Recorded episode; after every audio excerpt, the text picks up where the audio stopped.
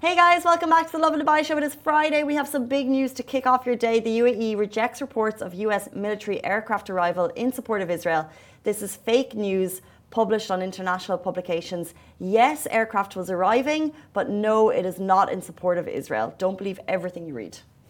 And a local superhero, a security guard saved an unconscious teen. We talked about what happened, and I, I compared him to Superman, the Man of Steel.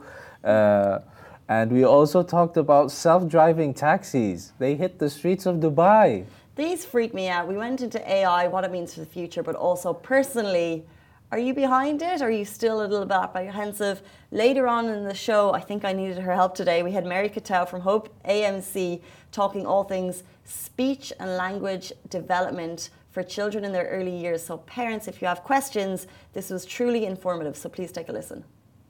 Hey guys, welcome back to the Lovin Dubai show where we go through the top trending stories that everyone across the country is talking about. It is your Friday morning and thank you so much for tuning in. Everyone, Instagram, Facebook, Twitter, TikTok, we love to read your comments before, during and after the show, so keep them coming. Our top story today, the UAE has rejected allegations of the US military aircraft arrival in support of Israel. A security guard saved an unconscious teen. We're also going to be talking about self driving taxis. We'd love to know your thoughts. Are you going to be jumping on as soon as possible because they are hitting the streets of Dubai? And later on, we'll be tackling speech and language therapy with Hope AMC's uh, Mary Kiteou. But let's jump into our first story. As mentioned, the UAE rejects reports of US military aircraft arrival in support of Israel. This is basically fake news. It has hit media publications internationally, but the UAE Ministry of Defense, MOD, has denied the allegations circulated by some international media about the arrival of US military aircraft at Al Dhafra Air Base in the UAE to provide support to Israel. In a statement, the ministry confirmed that these allegations are baseless as arrivals of US aircraft at Al Dhafra base have been taken, uh, taking place for several months according to predetermined timetables within the framework of the military cooperation between the UAE and the United States of America and is not, not at all related to the developments currently taking place in the region. So interesting uh, how fake news can spread, and I know there have been a number of fake news stories recently people looking for a story, looking to make that connection. Uh, however, the UAE, um, via Ministry of Defence and WAM, WAM which is the uh, government news agency, have denied all reports that this is in relation to support of Israel. Along with that, Emirates officially suspends Tel Aviv flights until October 30. In a statement posted on their official website, Emirates expressed its vigilance, stating, We are closely monitoring the situation and are in close contact with the authorities. The safety of our customers and employees is our number one priority. So flights have been officially cancelled until October 20, I believe, and after that, it'll be an ongoing case by case basis. Yeah, so always be aware of uh, any fake news, always uh, be look out for the official uh, channels and uh, accounts for government accounts so that you know all, all the uh, proper information. Possibly. Uh, moving on to our next story, a superhero in Abu Dhabi. A security guard saved an unconscious teen from drowning. What a hero. A security guard saved a 13 year old boy's life after he fell unconscious in a community pool in Abu Dhabi. Purna Bahadur Gurung, I hope I said his name right, saved Jabir Abu Zarqa from drowning thanks to his quick thinking.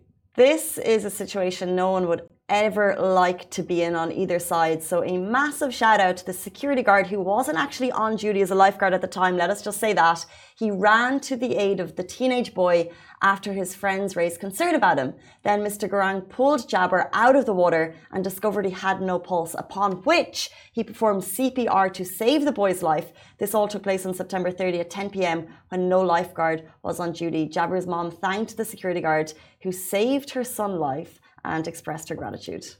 Friends also contacted emergency services uh, and an ambulance arrived minutes later to transport Jabir to Sheikh Khalifa Medi uh, Medical City, where Jabir remained for nearly a week. Upon Jabir's arrival at the hospital, doctors discovered he had an undiagnosed heart defect, which required surgery. So this story might just be a blessing.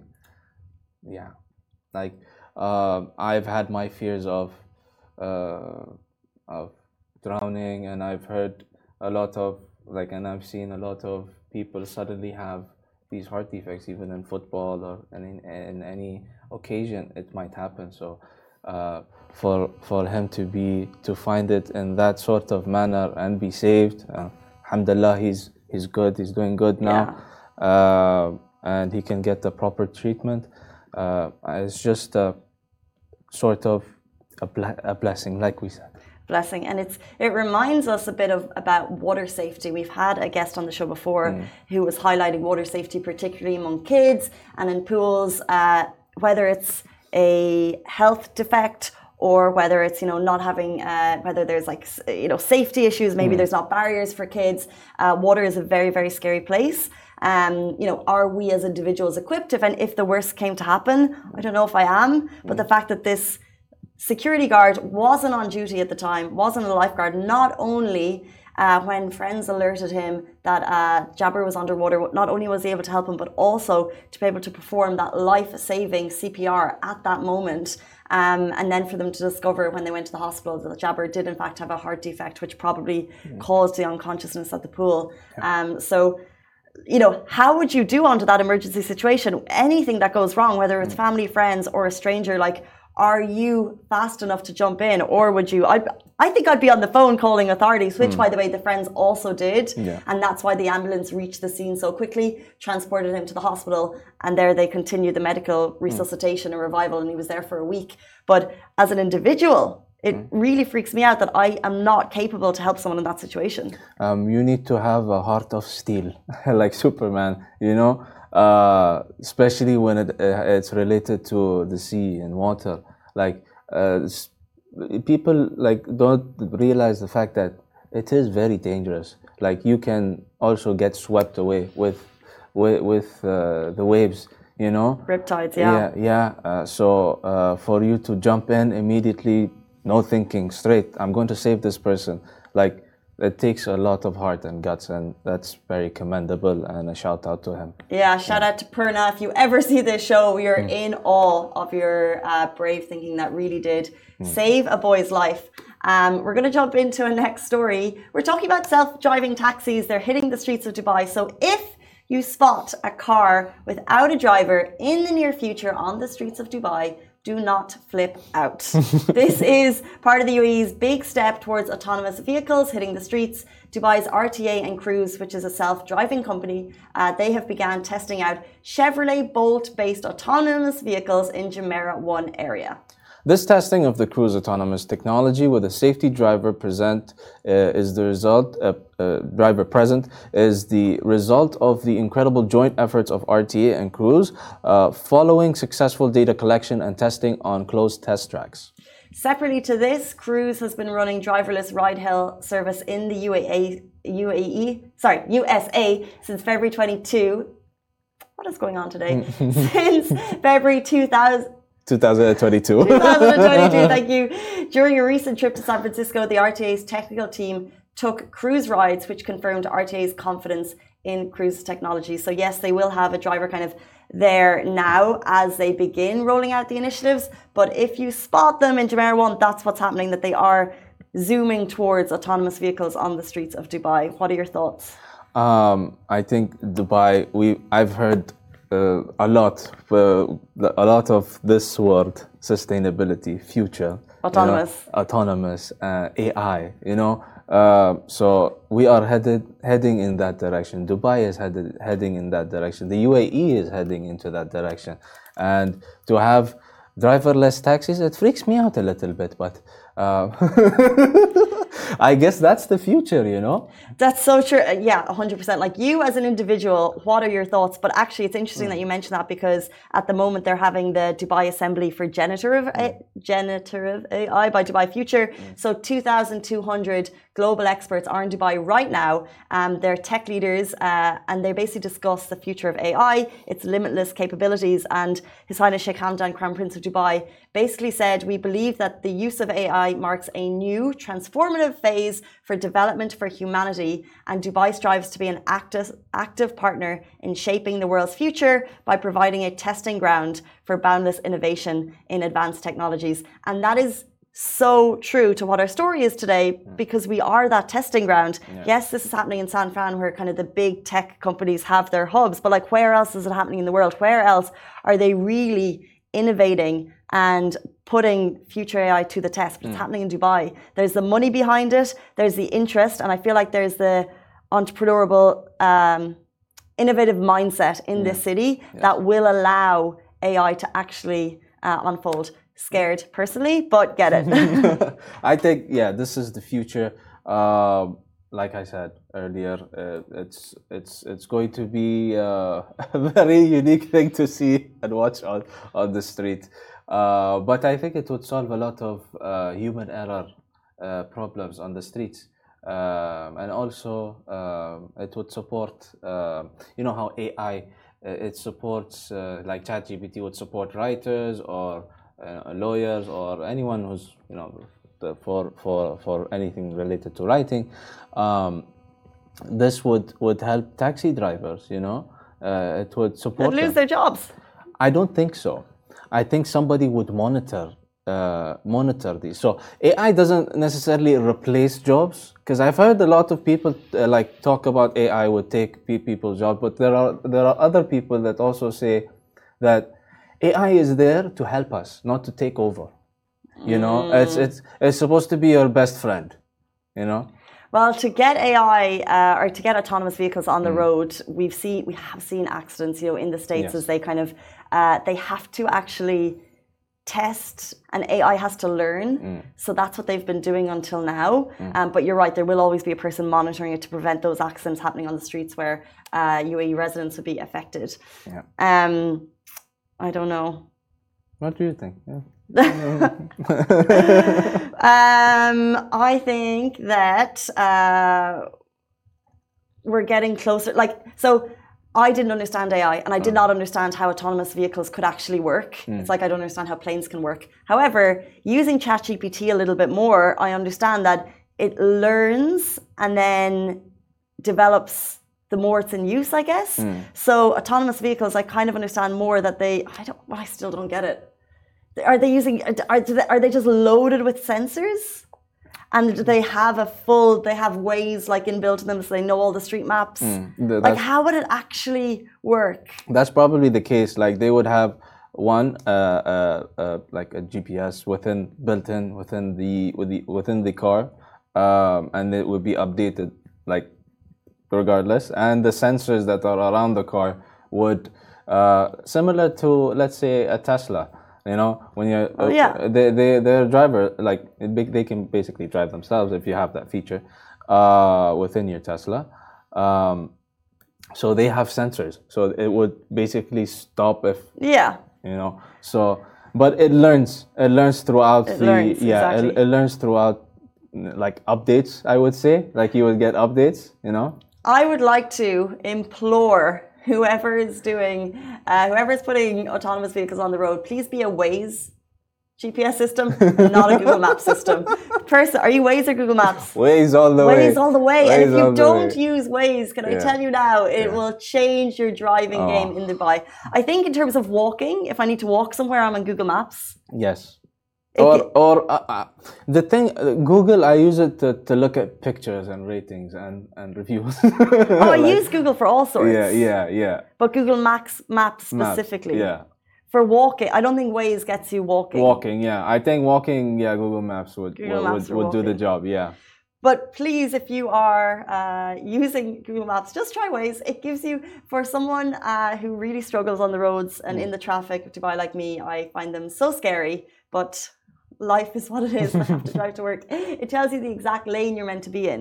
It makes driving a lot easier. And then you Mm. Can have Roger Federer as the voiceover telling you what to do. Yeah. wow He compliments your driving skills. I'm like, thanks, Roger. there's snoop dogg There's Snoop Dogg as well on Waze. Mm, yeah. Mm. Ali Khalil said no Snoop Dogg. There you go. Yeah. Cool. You can you, you can listen to Snoop Dogg complimenting you every day. and Roger Federer, and they speak incredibly clearly, which is probably what got them that role. And speaking of speaking clearly, today we're talking all things speech and language development for children in their early years. So, parents, if you have any questions, we are soon going to be joined by Hope AMC's spe- speech and language therapist, Mary Kiteou. Uh, she'll be with us after this very short break. Do stay tuned.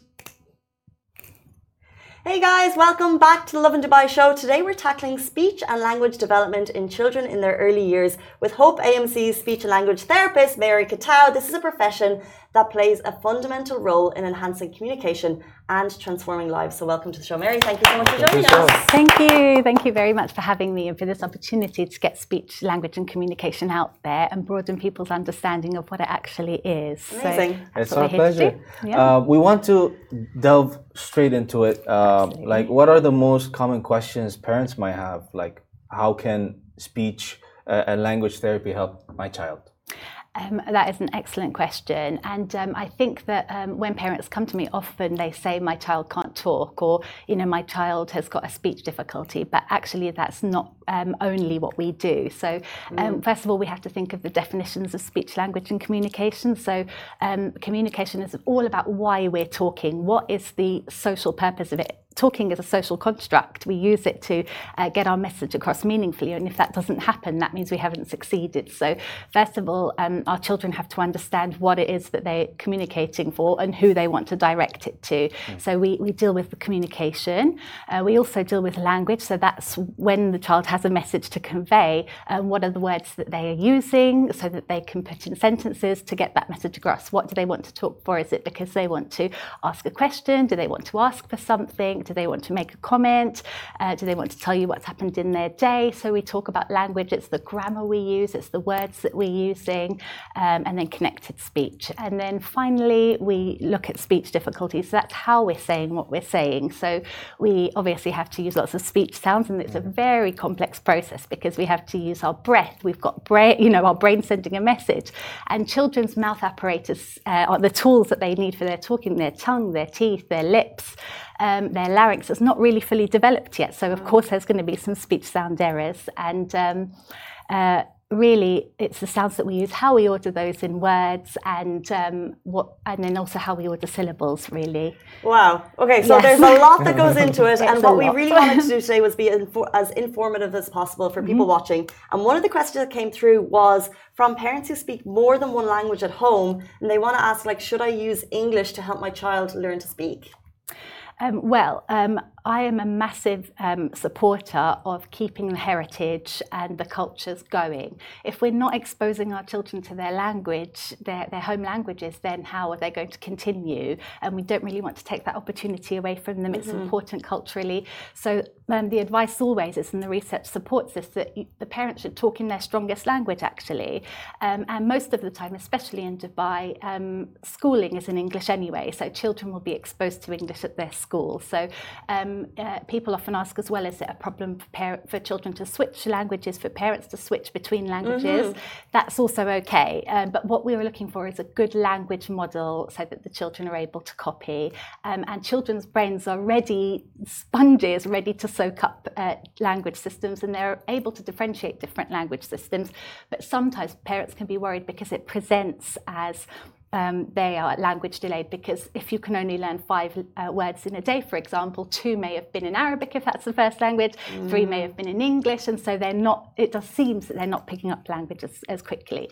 What the marker is, though, for when you should be worried is if the first language and the strongest language is not developing. So um, generally, um, some of the things we look for if children are not using 16 signs by 16 months, uh, waving, uh, reaching their hands up, pointing, uh, clapping things like this, uh, and also using single words by about um, 16 months as well. And then definitely if they're not using um, uh, combining words by two years old also. Those, those, are the things that we're looking for, that they might need a little bit of support. You really know? interesting. Wow, interesting. Uh, another question that we have is, what should my child be doing for their age? Okay, so um, this is an excellent question as mm. well. We have to look at um, children developmentally. They can't just start talking as a five year old, they're mm. going to go through steps. They can't physically as well. So, um, uh, what we're looking for um, is um, broadly for children at one year one year old, 12 months, to be using one word and to be understanding one word, for children at two years to be using uh, two words and understanding two words, um, and so on, because this is the easy, it's a really easy benchmark for parents to remember. It is at the lower end, but that's um, that's broadly what we're looking for. So um, if parents feel like their children uh, are struggling with that, then um, that's something definitely to look out for. And the other thing, though, that's very important to mention is that speech and language therapy covers lots of different areas. So it's like the roots of a tree, really. We need to build the roots of the tree before the tree trunk can grow, before there's leaves, before there's blossoms. And the roots of the tree are the most important elements for children, which are social motivation and interaction um, playing and attention and listening. So we need to actually start on those three skills. So if parents are looking out for maybe that your child your child is moving between different activities very, very quickly, um, then, um, or maybe they are turning their back when they're playing, or they're not involving you in their play, then these are things that also indicate that maybe we can do something to support them to understand that play, like talking, is a social construct. So um, that's how the tree grows, really, and then understanding develops from this, and then uh, and then uh, actually words and language, and then sounds are the blossoms on the tree. We would typically work on them last. Uh, speaking of support, do you have tips maybe for parents at home who want to help their kids, or uh, you know, what can we do to help our children at home if they need help? That's an excellent question. And, and, this is actually a very good point because all of the evidence shows that parents being involved in the therapy process um, and actually therapy strategies at home are the most effective because obviously the child is most comfortable there, mm. you know, and they're most trusting of the, of the parents or the caregivers. So um, there's lots that parents could be doing, and the first stage of therapy would always involve parents for parent-child interaction um, uh, strategies. And um, these are things like lots of parents are already doing this. We just help to fine tune it. It's sitting on the floor to make sure that you're at the eye level of your of, of the person that you're interacting with. Um, it's making sure that you're actually um, following the child's lead. All of the research shows that reciprocity is really, really important. So it's easy for us to want the child to pick up uh, the, um, the brush and then use it to brush their hair or baby's hair. You know, that's what we want to do. And in fact, we would probably direct them to do that.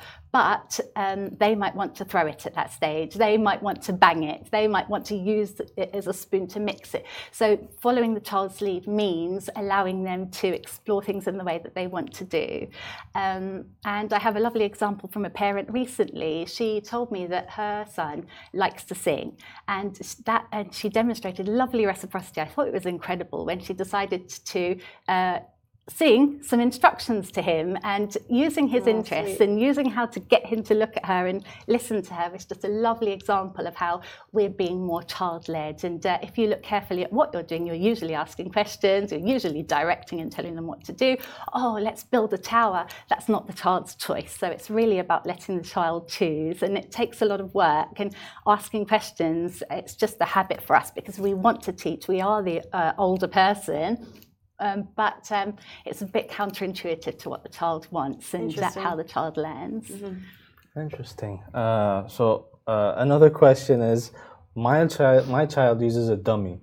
Should we stop this? So interesting. Yeah. I see babies with the dummies, and then I'm like, I thought, I thought, is there, you know, is there science telling people not to use them anymore? No.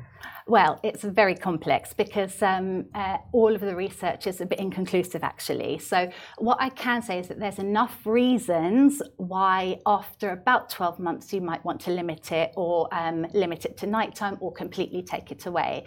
Um, so, so, it is inconclusive, but there are benefits to it too. So, parents should just be informed. And this is what speech and language therapy and any therapy is about. You want to give parents all of the information, and it's up to them what informed decisions they make. So, some of the benefits are that the dummy self-soothes. The some mm. dummy um, helps them stop crying. It helps, you know, uh, parents that are busy, you know, um, but uh, helps them to, to, to, sleep. But there's enough information to show that um, extended use um, reduces the babble for, for little babies. Um, it reduces them making the range of movement they need to do if used in the daytime. Um, because of the sucking, um, it can open the tube to the uh, ear, which can lead to ear infections as well. There's some evidence that it can lead to stomach infections. Um, and uh, generally, if you've got a dummy in your mouth and you're talking, sounds that we make at the front of our mouth are pushed towards the back of the mouth. So the easiest one to describe is if I say duck, mm. and that's a D. But if I put my thumb in my mouth, and I used to suck my thumb, uh, it will be guck. So that's completely wrong. And then that's the, if a child hears that over time, then that's how they are storing that representation of that word in their brain. Um, so, uh, but there are positives as well, like it will help with uh, with the sucking and the latch and things like this. And I just want to add that it's not only the dummy extended bottle use can actually um, have the same uh, impact, and um, uh, that's why there seems to be enough reasons why after 12 years old uh, you would want to limit it, especially in the daytime and especially around talking. Um, from dummies to iPads, is there any correlation between uh, showing kid an showing a child an iPad at the age of two to their speech and language development? Um, well, um, there are, there's lots and lots of research, and um, you know the problem with screen time is that it's one way, so it's not at all helping any of that back and forth, that reciprocity that we keep talking mm-hmm. about. It's an engagement, it's a back and forth process, and uh, iPad's only one way. And there are some shows that have developed that are a little bit better, and they leave space for the child to do something. But generally, um, limiting screen time is advised because of that. You know, it's we're thinking about the communicative environment, and and what that means really is that we're encouraging uh, communication in any way we can. And uh, the screen, extended screen time I'm talking about, every parent, as we all know, will give the iPad from time to time, and that's okay. But we mean extended screen time. Screen time when we're eating um, also is, is a bit uh, detrimental because children are not thinking about their food and what they're doing. So generally, uh, the more you try to reduce it or have specific times in the day that are not around eating and other routines, the better it will be. Interesting. Um, so we come to the UAE. Are there any free resources within the UAE to help parents and kids? Um, like, what are the early signs of speech impediments? Um, so if the chil- if children are not using gestures by 16 months, mm. this can be a big indicator, really. Mm. Um, and so that would be one of the things that we can look for. There's lots of information on um, websites. If you Google 16 gestures by 16 months, it mm. will give you a lovely um, visual version of what um, children should be doing by each month, and that's really, really nice. Um, and um, uh, there are lots of uh, lovely websites too. obviously, since I'm trained in the UK, they are UK based, but speech and language um, uh, uh, I think it is. It used to be formerly I CAN, has got lots of information. So does the Royal College of Speech and Language Therapists websites. Um, there's lots of information online that people can find. And there's one website, the Hanen website. It's actually related to the parent-child interaction that I was talking about. They give uh, like a wealth of information, easy to digest, easy to read. Even for me as a speech and language therapist, I prefer that. And um, so that's lots of information that they can find on the website there. And then at what point do you decide? Decide, okay, I actually need to see a speech and language therapist? Um, well, um, usually it's parents can see a difference between their children really that might be one of the markers mm. it, also if you're worried generally i would just come and speak to us you know because uh, we could just give some tips and then you can go home and try them we might do some therapy together and then you see lots of improvement um, but um, generally uh, when you start to notice consistently that uh, it's leading to frustration really or that uh, maybe the child is crying to to get what they want and you know it's not easy for you to manage uh, particularly if it's impacting daily routines actually mm. that's where parents with young children probably need a lot of help, and that's what we can. I think all with. parents will be thinking, "Well, I feel like they always impact daily routines." I know exactly. So it's it's what the parent can manage. If it feels like you're you're much. not managing, yeah, and it's too much, or you know you, you feel like you've tried a lot of things, um, then please come. But you know we're always open to answer questions anyway. So anytime you've got a concern, uh, you can contact us, and we'll you know give some advice, you know, or tell you if you're concerned. You know you can wait with your concerns, or if actually you're, you're you're right and let's just help it let's just help the child. Yeah, it's, amazing. if it's very sensible you know and it's very logical and um, uh, parents just love the love the therapy because it empowers them to know and be mindful of what they're doing and what they're doing has an effect on what the child is doing and it's just a really lovely a really lovely piece of work. Um, what do I do if a nursery uh, is are concerned?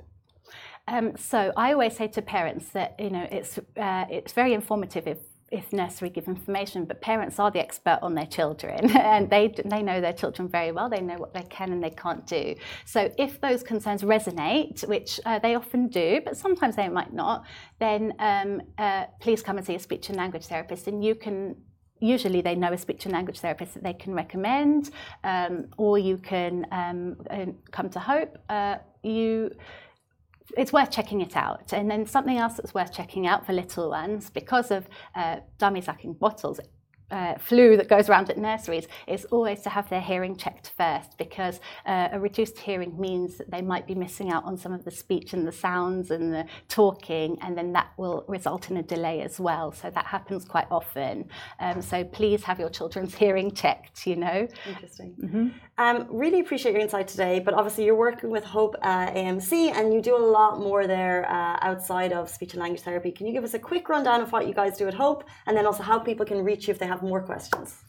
Yeah, so Hope is a multidisciplinary centre. Um, it helps children that have a variety of difficulties. So they have physiotherapy there for children with um, physical difficulties. There's also a hydrotherapy team there that take the children into the water to do their exercises. And there's a special form of um, uh, physiotherapy that they've got that's called CME, but I can't remember what the full term of it is. But it's all about correction and alignment of the body.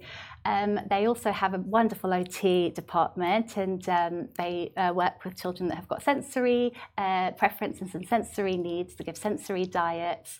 Um, and then they have a specific um, psychomotor therapy section, which is part of OT, uh, which works on, um, I think, more fine motor skills. So uh, it's nice and rounded. Uh, it's a nice and rounded centre. Yeah, it's, uh, it, it truly is. And I know that you're helping a lot of parents and kids down there. So it's really amazing. So thank you so much for your insight and for your time today. That's Mary, a speech language therapist from Hope AMC. Thank you so much for joining us this morning. Thank you very much.